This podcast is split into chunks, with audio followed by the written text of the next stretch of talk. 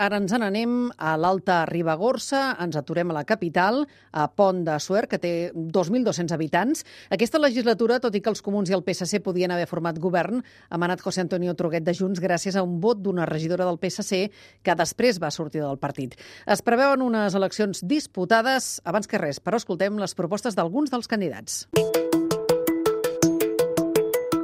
Els alcaldables.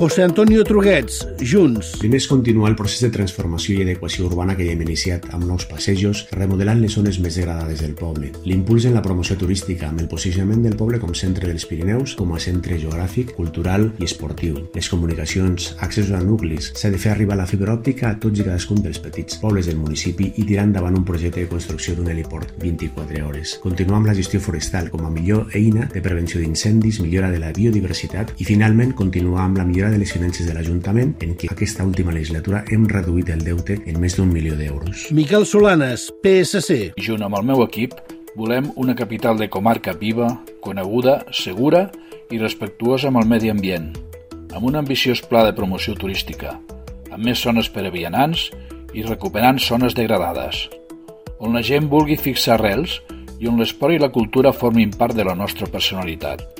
Volem escoltar tothom mitjançant un reconegut teixit associatiu i ordenances de participació. Volem fer el pont de Suert que tu vols. Yolanda Ferran, Agrupació Tothom. Som una agrupació electoral formada per un grup de persones independents, amb experiència professional en àmbits molt diversos, desenvolupament rural, medi ambient, educació, pagesia, salut, esport, joventut. Ens presentem a les eleccions municipals amb l'objectiu de treballar per fer millor la vida de les ciutadanes i ciutadans, garantir uns bons serveis bàsics, fer atractiu el nostre municipi de muntanya per a que la gent hi vulgui venir a viure, posar-lo com a referent cultural i de senderisme dels Pirineus i tot amb un estil de governança participatiu, dialogant, eficient i sostenible.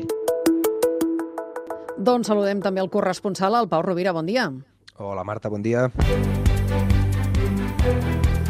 Pau, quins són els reptes de Pont de Suert? Doncs, eh, sobretot, i en parlarem bastant, els habituals aquí al Pirineu, els anomenats FACs, així F-H-A-C-S, és a dir, feina, habitatge, comunicacions i salut. És difícil trobar ocupació, un lloc on viure, carreteres en bon estat i centres mèdics propers i ben equipats. Això és veritat que passa a molts llocs de Catalunya, però és que aquí s'accentua molt més. Clar, i en concret el municipi? Uh, sobretot tenen a veure amb l'urbanisme. A més de la manca d'habitatge, el nucli antic està força degradat, també hi ha problemes recurrents, com carrers sense voreres, falta manteniment en diversos accessos, i tot això té a veure amb una reclamació de fa temps, que és el pla de barris, que està pendent. Tot plegat està marcat, com dèiem, per les limitacions. El deute que té l'Ajuntament, oi? Sí, l'anterior equip de govern va fer una gran inversió en la zona esportiva, en destaca la piscina coberta, és un bon equipament, però va sortir molt car, va acabar costant més del compte i es va menjar el pressupost present i futur. I tot i que la gestió ha estat mesurada, estan, diguem-ho clar, amb l'aigua al coll, i encara que s'ha anat aixugant aquest deute, heretat, recordem-ho, es tracta d'un municipi dels més endeutats de Catalunya, per tant, costa fer actuacions i segurament caldran subvencions. Pau, i què diuen els representants de les entitats del Pont de Suert que demanen a qui governi ara, alcalde o alcaldessa? Doncs la majoria fan referència als FACs, que comentàvem, però també que cal dinamitzar l'economia local. És la presidenta de l'Associació de Comerciants, Yolanda Rozados. Nosaltres, com a associació de comerciants, pensem que cal recalcar l'ampliació del polígon per tal de la instauració i consolidació de, les, de noves i actuals empreses i peatonalització del carrer Camp de la Vila com a millora d'entrada al casc antic. També incentivar els propietaris de locals tancats a llogar-los a un preu que la gent emprenedora pugui pagar. Com dèiem, els problemes d'accés a la sanitat són recurrents, en especial pel que fa a les dones. Manca de llevadores, dificultat per avortar, etc. Per això, una de les portaveus del col·lectiu feminista del Pont de Suert, Ariana Solanes, demana més formació en polítiques de gènere als ajuntaments. Des del col·lectiu feminista de l'Alta Ribagorça, creiem que les persones i equips al capdavant dels consistoris han d'estar formades o han de poder formar-se per aplicar la perspectiva de gènere i que això es tradueixi en accions reals, des dels regals que es reparteixen el dia de Reis fins a garantir l'avortament al territori. Aquesta hauria de ser la base per poder construir uns municipis i una comarca realment feminista i també es reclama més promoció i dotacions econòmiques per la cultura local i del Pirineu en general. Laura Clemente, portaveu de diverses entitats culturals agrupades. Des de la colla de Diableses i Diables del Pont de Suer, el grup de percussió Baquetes Rolles i l'Associació de Músics Sauvaga demanem a l'Ajuntament suport amb el nostre local. Aquest és un espai social, cultural i de trobada i sense el qual no podem tirar endavant totes les iniciatives que fem a la comarca. Necessitem solucionar diversos aspectes del local i sol·licitem per això tot el suport que l'Ajuntament ens pugui donar. Fa temps que cal al municipi un espai o centre obert on les associacions i els diferents col·lectius del Pont de Suer puguin reunir-se i desenvolupar les seves activitats, desenvolupant alhora l'oferta cultural i associativa de la comarca. L'Alta Ribagorça només té tres municipis. Ja hem vist la capital, a la Vall d'Avui, on governa Esquerra Republicana amb l'alcaldessa Sònia Bruguera, que busca repetir mandat, i a Vilaller, on també espera repetir-lo Maria José Erta, que fins ara de Junts, però que aquesta vegada es presenta pel PSC. Pau, en aquest cas, quins són els reptes que té una localitat tan turística com la Vall d'Avui? Doncs en té uns quants. El primer, com dèiem, la manca d'habitatge, sobretot de lloguer, que ha portat alguns treballadors a haver de viure en furgonetes. Un altre, el mal estat d'algunes carreteres, en especial els accessos a alguns nuclis més aïllats. Um, també el dèficit en serveis i equipaments municipals, com per exemple fa temps que denuncien ja els veïns del nucli del Pla de l'Ermita també la construcció d'un poliesportiu que fa temps que s'arrossega i bé, en general eh, es tracta d'una tasca molt complexa de combinar economia i medi ambient, el sector ramader, turístic, esportiu, empresarial, en un delicat equilibri aquí a la vall. Escolta'm, aprofundim una mica més en aquest sector turístic perquè eh, hi ha discrepàncies, crec, sobre com gestionar-lo, oi? Sí, eh, la, la majoria de veïns coincideixen que els campionats d'esquí han projectat la vall al món i que la vall avança, però alguns opinen que caldria fer més esforços pel que fa a altres modalitats esportives, sobretot al Parc Nacional d'Aigües Tortes i Estany de Sant Maurici, que és el gran reclam d'aquí, uh -huh. i mhm. també promocionar més el romànic, per sí, exemple. Sí, perquè, exacte, eh, també hi ha algunes, diguéssim, patates calentes, per dir-ho que s'entengui, que s'han de resoldre encara, eh? Sí, exacte. Alguns són temes heretats, com el deute de l'administració per revés judicial que va rebre l'Escola Municipal d'Esquí, de Buitaüll, que té una amenaça de tancament.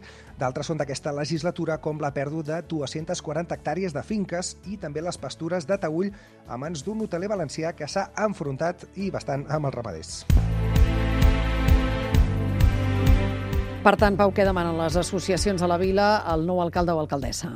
Doncs comencem per la Xon Fumador, de l'Associació de Veïns de Vilaller, que reclama solucions a tota la problemàtica que hi ha amb els facs i que sintetitza, resumeix molt bé els grans reptes del municipi i, de fet, també de la comarca i del Pirineu en general, feina, habitatge i accés a la salut. Aquí, si no tens tu un vehicle propi, tens bastant problemes per, per moure't, per poder anar al metge, per poder anar a comprar, que hauria d'haver-hi més línia d'autobús, més horaris. Després, també el tema d'habitatge. Si tu tu tens la sort de poder trobar una feina aquí, que també està bastant complicat. No hi ha habitatges de lloguer. Tot el que hi ha buit ho tenen com a turístic. Després, horaris mèdics, sempre t'has de desplaçar, diguéssim, cap al pont de Suert o, o l'hospital més proper que tenim és el de Viella. I, bueno, estaria bé que hi haguessin més, més horaris mèdics. I ja la Vall d'avui comparteix la mateixa opinió en Joan Sirvent, que és portaveu dels comerciants de Taüll. Ens ha explicat que cal dinamitzar l'economia local i això passa per posar solució a aquest tema de l'habitatge. Jo al proper alcalde o alcaldessa de la Vall d'Avui li demanaria que apostés per la diversificació econòmica, Trobo que tenim un repte important i és que hi ha una manca de, de possibilitats per viure a la Vall de Boí. No hi ha vivendes, no hi ha apartaments, quasi tot eh, està destinat al sector turístic i trobo doncs, que s'hauria de fer una aposta per, per tindre apartaments per gent que vol treballar i viure a la Vall de Boí i ja que parlaven de turisme, la presidenta de l'Associació de Comerciants d'Erill la Vall demana al futur Ajuntament que llanci més iniciatives per desestacionalitzar els visitants i també una oferta d'oci més diversa. Crec que una de les coses que es podria millorar a la Vall de Boí és treballar per intentar desestacionalitzar el turisme que es concentra durant els mesos d'estiu i a la temporada d'esquí i d'aquesta manera intentar tenir turisme durant tot l'any. Una de les altres coses que es podria ampliar és l'oferta d'oci nocturn. Aquesta era Núria Fort, que no li hem dit el nom. I ja per acabar, dins d'aquest sector, l'esquí és un dels pilars de la vall. El director de les pistes de Buit a Ull, David Ross, agraeix la col·laboració del consistori tant els campionats del món com d'Europa i espera que aquesta bona relació continuï. I a partir d'aquí pressionar aquesta, aquesta relació col·laborativa en la qual eh, ens ajudem mútuament tant amb qualsevol projecte turístic eh, com amb el, amb la promoció conjunta de, de la vall, tant a l'estiu com a l'hivern, com que també tenim una molt bona resposta sempre que presentem els projectes de millora o condicionament de l'estació amb els permisos d'obres, per la qual eh, que la nostra voluntat és que el resultat sigui una continuïtat amb la bona relació que hi ha actualment entre, entre l'Ajuntament i, i l'estació d'esquí.